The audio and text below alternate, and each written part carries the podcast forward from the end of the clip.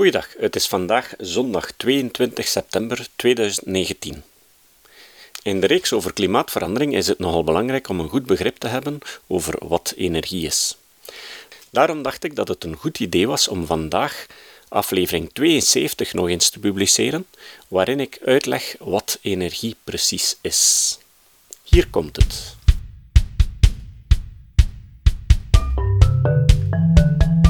Welkom bij de podcast Kritisch Denken. Een podcast waarin we uitleggen waarom de ene waarheid niet gelijk is aan de andere. En hoe je kunt vaststellen waarom de ene waarheid juister is dan de andere. Waar we uitleggen waarom het belangrijk is om alles kritisch te bekijken. Ook deze podcast. Goeiedag, het is vandaag zondag 5 december 2010. Ik ben Jozef van Giel en dit is de 72e aflevering van deze podcast. Deze podcast kwam tot stand mede dankzij Rick de Laat. De muziek is van Nick Lucas. Vandaag onderzoeken we wat energie is en wat het niet is. Deze aflevering was oorspronkelijk bedoeld om uitgezonden te worden op 12 juli 2009 als de 21ste aflevering.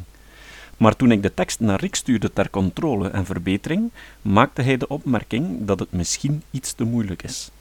En Rick kan het weten, want hij heeft lang in het onderwijs gestaan. Ik geloof hem dus op zijn autoriteit. Ik heb er lang mee gezeten om uit te zoeken hoe ik de tekst eenvoudiger kan maken. Uiteindelijk heb ik het wat laten rusten. Enkele weken geleden heb ik het terug opgerakeld in een poging om het toch nog wat te vereenvoudigen. Ik vind dit onderwerp veel te belangrijk om het niet te behandelen.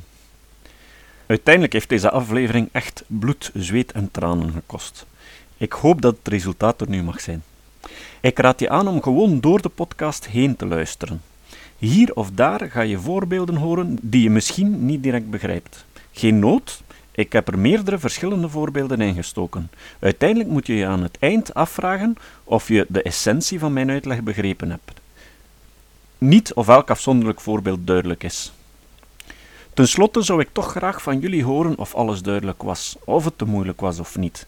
Dus stuur me mailtjes of post op de blog of het goed was en wat er kan verbeterd worden. Vertel me alsjeblieft ook als je voortijdig afhaakte. Als ik dan enkele zulke mails krijg, met ook een aantal tips om het te verbeteren, maak ik misschien nog een nieuwe aflevering over dit onderwerp. Veel misbruikt.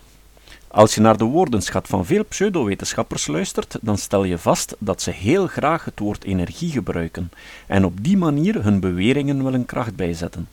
Homeopaten beweren dat ze door potentiëring energie overbrengen. Acupuncturisten spreken van energiebanen in het lichaam.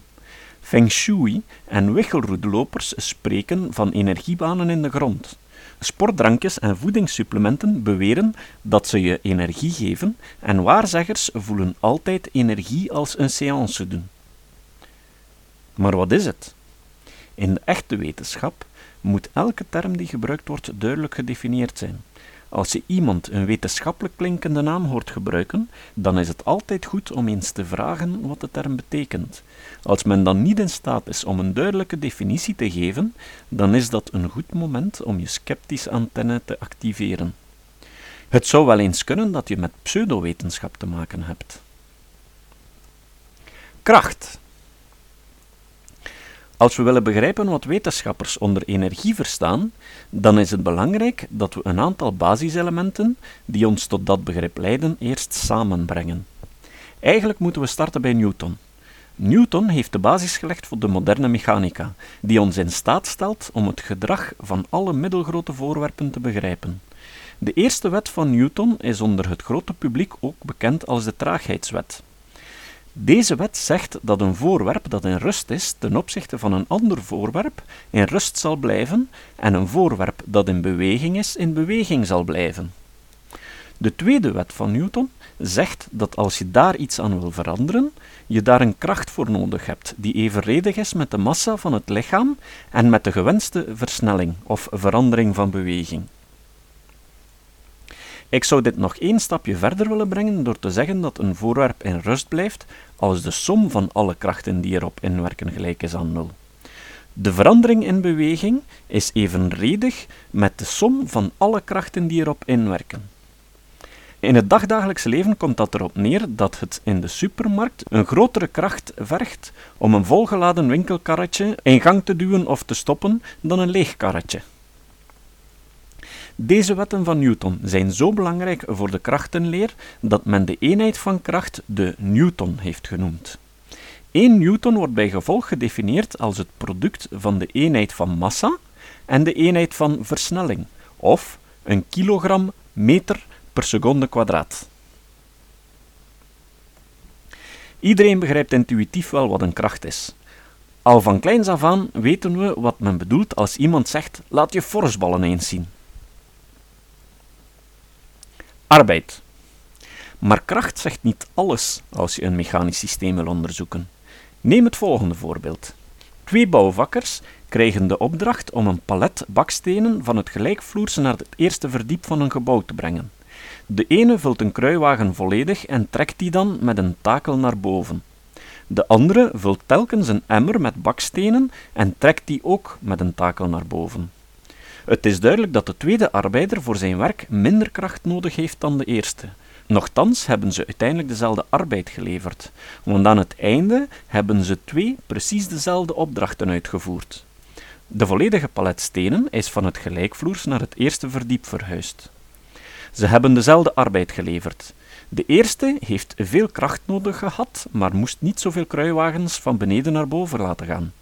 De tweede had minder kracht nodig, maar moest wel veel meer emmers naar boven trekken. Wat bij beide bouwvakkers hetzelfde is gebleven, is het product van de kracht die ze nodig hadden, maal de afstand die ze moesten afleggen. Arbeid is dus de inspanning die een kracht moet uitoefenen om een voorwerp over een bepaalde afstand te verplaatsen. Of wiskundig is arbeid gelijk aan kracht maal afstand. De eenheid van arbeid is dus newton maal meter. En daarvoor hebben we een apart symbool, namelijk de joule. Merk op dat de eenheid van moment of koppel ook newtonmeter is. Kijk maar in het boekje van je wagen, en dat is geen toeval. Energie. En dan komen we eindelijk tot het begrip energie. Als die stenen daarboven liggen en je bindt aan de andere kant van het touw beneden nog een emmer die je met stenen vult, dan kan je die vanzelf naar boven laten komen door gebruik te maken van het gewicht van de bovenste emmer als je het touw loslaat. Met andere woorden, die eerste emmer waarop je zelf arbeid hebt uitgeoefend, is zelf ook in staat om arbeid te leveren. De mogelijkheid om arbeid te leveren noemt men energie. Energie en arbeid hebben dezelfde eenheid, en dat is natuurlijk niet toevallig de joule. Energie wordt op zich opgesplitst in twee soorten, namelijk kinetische en potentiële energie. Onze emmer, die op 4 meter hoogte hangt, is een voorbeeld van potentiële energie omdat hij niet beweegt. Kinetische energie is de energie van voorwerpen die in beweging zijn. Bijvoorbeeld, een hamer die met een zekere snelheid in de richting van een nagel vliegt, bevat kinetische energie. Want op het moment dat hij de nagel bereikt, kan hij de nagel een stuk het hout in doen dringen tegen de weerstandskracht van het hout in. Dus heb je een beweging en een kracht en heb je arbeid geleverd. Als je een veer opspant, dan steek je daar arbeid in. Daardoor stijgt de potentiële energie van de veer, zodat die, als ze weer ontspant, arbeid kan leveren. De hoeveelheid kinetische energie die een bewegend voorwerp bezit, kan je berekenen door uit te zoeken hoeveel arbeid het kan verrichten als je het tot stilstand brengt. Dus, je probeert het voorwerp met een bepaalde kracht tegen te houden tot het stilvalt. En dan kijk je welke weg het nog afgelegd heeft tot het stilstond. Die kracht, mal die afstand, is de kinetische energie die het voorwerp aanvankelijk had. Als je dat dan uitrekent, kom je uit dat de kinetische energie van een bewegend voorwerp gelijk is aan de massa maal het kwadraat van zijn snelheid gedeeld door 2. Wiskundig kan je bewijzen dat dat altijd klopt, onafhankelijk van hoe de kracht en de snelheid onderweg veranderden. Met wat integraal rekenen kom je dan uit dat de kinetische energie van een voorwerp altijd gelijk is aan de massa maal zijn snelheid in het kwadraat gedeeld door 2. Holistisch. Veel mensen zullen nu zeggen dat wat ik net uitgelegd heb wel een heel beperkte definitie is van wat energie is. Want je komt toch ook energie tegen in elektriciteit, vuur, licht en de fameuze wet van Einstein, E is mc kwadraat. En wat doe je dan met de energiewaarde die opgegeven wordt in voedsel? Dat beweegt toch allemaal niet? Dat levert toch allemaal geen arbeid? Ik heb speciaal voor dit deel de titel holistisch willen gebruiken, alhoewel ik een hekel heb aan die term, want het is een van die nietszeggende termen die veel door pseudowetenschappers gebruikt wordt om te beweren dat zij holistisch zijn, terwijl de wetenschap reductionistisch is. Daarmee bedoelen ze dat wetenschappers alles in stukjes kappen, naar de details kijken en dan het geheel niet meer zien. En dat is dus je reinste nonsens. En dat ga ik nu proberen uit te leggen met energie. Gelijk welke vorm van energie die je in de wereld tegenkomt, kan je terugbrengen tot de bovenste definitie die ik in het vorige deel uitgelegd heb. De energie in elektriciteit is in staat om een kracht uit te oefenen op voorwerpen. Een motor bijvoorbeeld zet elektriciteit om in een magnetisch veld dat op zijn beurt een rotor doet draaien die arbeid kan leveren. De energie van elektriciteit wordt normaal berekend in functie van de stroom en de spanning, maar uiteindelijk komt dat op hetzelfde neer. De stroom is eigenlijk een maat voor de beweging en de spanning is een maat voor de kracht. En als je echt naar de fundamentele fysica ervan gaat kijken, dan ga je vaststellen dat het effectief hetzelfde is. Licht kan een elektron uit zijn schil duwen, om zo arbeid te leveren. Materie kan je via de wet ESM mal c kwadraat omzetten in energie en omgekeerd. Die energie zal zich dan in verschillende mogelijke vormen voordoen, zoals licht, warmte of een schokgolf. Einstein paste trouwens de formules die ik daar straks uitgelegd heb rond arbeid toe op zijn speciale relativiteitstheorie en na een hoop moeilijke wiskunde kwam hij tot de verrassend eenvoudige formule ESM c. De energie die in voedsel zit is eigenlijk chemische energie. Door de suikers en vetten die in dat voedsel zitten te verbranden, dat betekent met zuurstof te verbinden, kan je arbeid leveren. Als je te veel eet, zal je lichaam vet produceren om het te veel aan energie op te slaan tegen dat je minder eten vindt. Het aantal joule van een bepaalde voedingsstof wordt ook gemeten door het te verbranden en te meten hoeveel warmte er vrijkomt. De energie van radiogolven kan elektronen in een metaal in beweging zetten, zodat er een elektrische stroom begint te vloeien.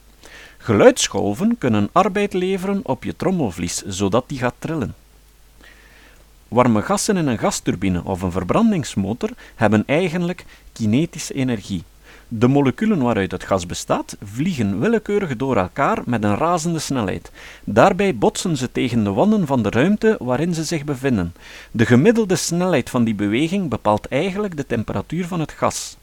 Als al die deeltjes stilvallen, dan zegt men dat het absolute nulpunt van temperatuur bereikt werd, dus 0 graden Kelvin of min 273 graden Celsius. Wat je doet als je een gas opwarmt, is de snelheid van die deeltjes verhogen. Daarom dat de druk van een gas hoger wordt naarmate de temperatuur hoger wordt. De gasdeeltjes botsen namelijk met een hogere snelheid tegen de wanden. Als nu één van die wanden beweegbaar is, dan zal die wand door die druk achteruit bewegen en levert het gas dus ook arbeid aan die wand. Het gevolg daarvan is dat de snelheid van de deeltjes verlaagt, wat eigenlijk hetzelfde is als dat de temperatuur van het gas daalt. Zo maak je een thermische motor. Wat ik hier zo zeg is niet gewoon een model, het is de fysische werkelijkheid. De gemiddelde snelheid van de moleculen van een gas bij een bepaalde temperatuur kan je berekenen. Bij een vaste stof is de temperatuur het gevolg van het trillen van atomen. Hoe warmer het wordt, hoe harder ze trillen. Bij het smeltpunt staan ze zo hard te schudden dat de verbindingen tussen de deeltjes afbreken, zodat ze door elkaar gaan vloeien. Als de temperatuur nog hoger wordt, wordt de snelheid tussen de deeltjes zelfs zo hoog dat ze niet meer bij elkaar blijven, maar vrij beginnen rond te vliegen. Dan begint het materiaal te koken. De energie van elektriciteit komt neer op het verplaatsen van geladen deeltjes door een elektromagnetisch krachtveld. En dit is een leuke denkoefening om al deze zaken te illustreren en het holistische karakter ervan te begrijpen. Neem nu gewoon een elektrisch verwarmingstoestel. In een elektriciteitscentrale draaien magneten rond een aantal elektrische spoelen en slepen op die manier de elektronen in die spoelen mee.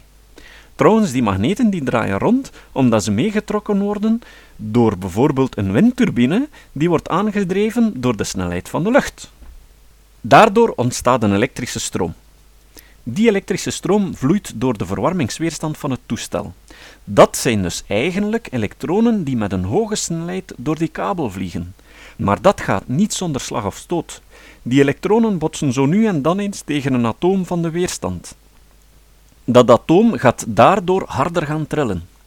De gasmoleculen die de draad omgeven botsen regelmatig tegen die draad, maar doordat de atomen van die draad hard aan het trillen zijn, is de kans groot dat ze een hoop van die energie aan het gas doorgeven. Met andere woorden, dat het gasatoom na de botsing met de gloeidraad een grotere snelheid heeft dan ervoor. Maar gasatomen die snel rondvliegen, dat is warmte. Zo wordt de warmte overgedragen. Bedenk zelf nog maar zulke gevallen.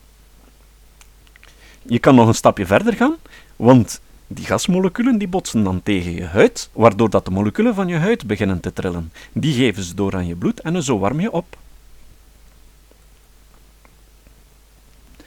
Zo zie je maar dat de energie van een systeem gelijk is aan de arbeid die door dat systeem geleverd kan worden. En dat komt neer op het verplaatsen van een object over een afstand met een bepaalde kracht. Samenvattend kunnen we dus zeggen dat iets energie bevat als het in staat is om arbeid te verrichten. In eenvoudige mensentaal als het iets kan aandrijven. Zo kan je zeggen dat een opgehangen massa, denk aan de gewichten van een staande klok, een zwaaiende stalen bol om muren mee om te stoten, een bak met benzine, de zon, een opgeladen batterij, een boterham, allemaal energie bezitten. Ik laat het aan jezelf over om nog andere voorbeelden te bedenken. Onze wereld zit er vol van. Als iemand je nog eens over energie spreekt en je vindt de klepel niet direct, dan moet je eens vragen of zelf proberen om de term terug te brengen tot deze definitie. De thermodynamica. Mensen denken soms dat thermodynamica de leer is van alles wat met warmte te maken heeft, bijvoorbeeld stoom- en verbrandingsmotoren, turbines enzovoort, en dus beperkt is tot ingenieurswetenschappen. Maar in werkelijkheid overspant het het veel bredere onderzoeksdomein van energie. Vandaar dat het ook zijn nut bewijst in heel diverse takken, zoals astronomie, niet in astrologie natuurlijk, zelfs de biologie. De thermodynamica baseert zich op twee wetten die door mensen die niet echt met wetenschap en mechanica vertrouwd zijn, gemakkelijk in twijfel worden getrokken. De eerste wet. De eerste wet van de thermodynamica is bij het brede publiek bekend als de wet van behoud van energie. Het zegt dat de totale hoeveelheid energie van een afgesloten systeem niet verandert. Een afgesloten systeem is een systeem waar dat er geen energie in of uit kan. De hoeveelheid energie van zo'n systeem kan dus onmogelijk stijgen of dalen zonder een externe invloed. Deze wet zegt dus dat het onmogelijk is om een perpetuum mobile van de eerste soort te maken. Perpetuum mobile is Latijn voor voortdurende beweging. Een perpetuum mobile van de eerste soort is een systeem dat energie produceert zonder dat er van buitenaf energie aan wordt toegevoegd. Door de eeuwen heen hebben heel veel zelfverklaarde uitvinders geprobeerd om zo'n machine te bouwen. Dat lijkt inderdaad wel een zeer aantrekkelijke uitdaging, want wie erin slaagt om zoiets te maken, is onmiddellijk steenrijk en dan zijn alle energieproblemen van de wereld opgelost. Twee jaar geleden is zelfs Wessel D. Wesley door de preselecties van het tv-programma De Bedenkers geraakt met een toestel dat ik hem twintig jaar geleden al heb zien uitleggen in een aula in Leuven. Tijdens de aflevering over wetenschap heb ik gemeld dat een eis voor wetenschap consistentie is. Dus dat verschillende regels uit de wetenschap niet tegenstrijdig mogen zijn. Toen ik daar straks sprak over de wetten van Newton, heb ik even aangehaald dat het geen toeval is dat de eenheid van arbeid en de eenheid van moment hetzelfde zijn, namelijk de Newtonmeter. Dat komt ook omdat een hefboom eigenlijk een overbrenger is van arbeid.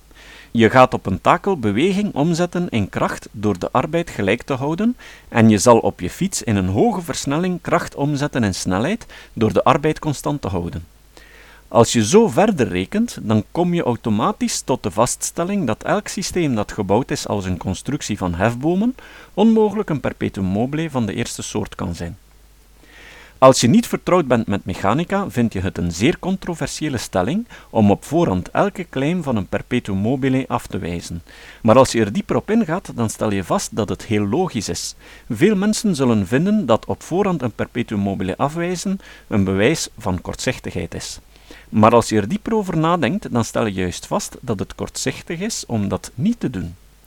Ik zeg hierbij niet dat we 100% zeker zijn dat het niet kan. De afleveringen 20, 22, 23 en 24 over de twijfelbenadering zouden dit moeten duidelijk maken. maar het is onredelijk om elke bewering over een perpetuum mobile serieus te nemen. Carl Sagan zei dat uitzonderlijke beweringen uitzonderlijk bewijs moeten aanleveren.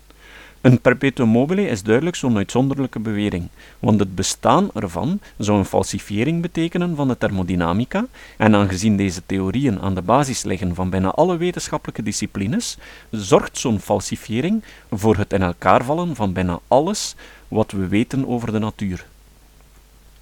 Het systeem dat die Wesley gebouwd had, was gebaseerd op een schadensysteem dat onder water gedompeld werd. De druk van het water zou het systeem zo manipuleren dat het samengeperst wordt tot een groter volume. Als dat waar zou zijn, dan zou dat inderdaad een weerlegging van de eerste wet van de thermodynamica betekenen en zou je deze constructie kunnen gebruiken om energie uit het niets te produceren. Toen ik die Wesley hoorde spreken in Leuven, wou ik toch eens uitzoeken waar zijn redeneerfout zat. De consistentie waar we daar straks over spraken, moet er toch voor zorgen dat een systeem dat je kan uitrekenen steeds de eerste wet bevestigt. Ik heb toen dus eens alle krachten die op het systeem werken doorgerekend en het resultaat was, surprise surprise, dat het volume niet groter wordt door de druk van het water. Het punt waarop het volume maximaal is, komt precies overeen met het punt waar de krachten van het systeem kantelen en het geheel in de andere richting samengeperst wordt. Dus telkens kleiner wordt. Die berekening ben ik kwijt, maar als ik tijd heb, zal ik ze eens opnieuw doen. Of als een van de luisteraars het wil doen, dan zal ik het met plezier op mijn website publiceren. In ieder geval, ik heb het een paar jaar geleden opnieuw proberen te berekenen, maar na twintig jaar weg van de schoolbanken lukte het mij niet meer. Als je verder denkt, dan stel je vast dat deze redenering ook opgaat voor niet-mechanische systemen, zoals vloeistoffen, gassen enzovoort. Je moet tijdens die redenering rekening houden met de derde wet van Newton, die zegt dat actie gelijk is aan reactie.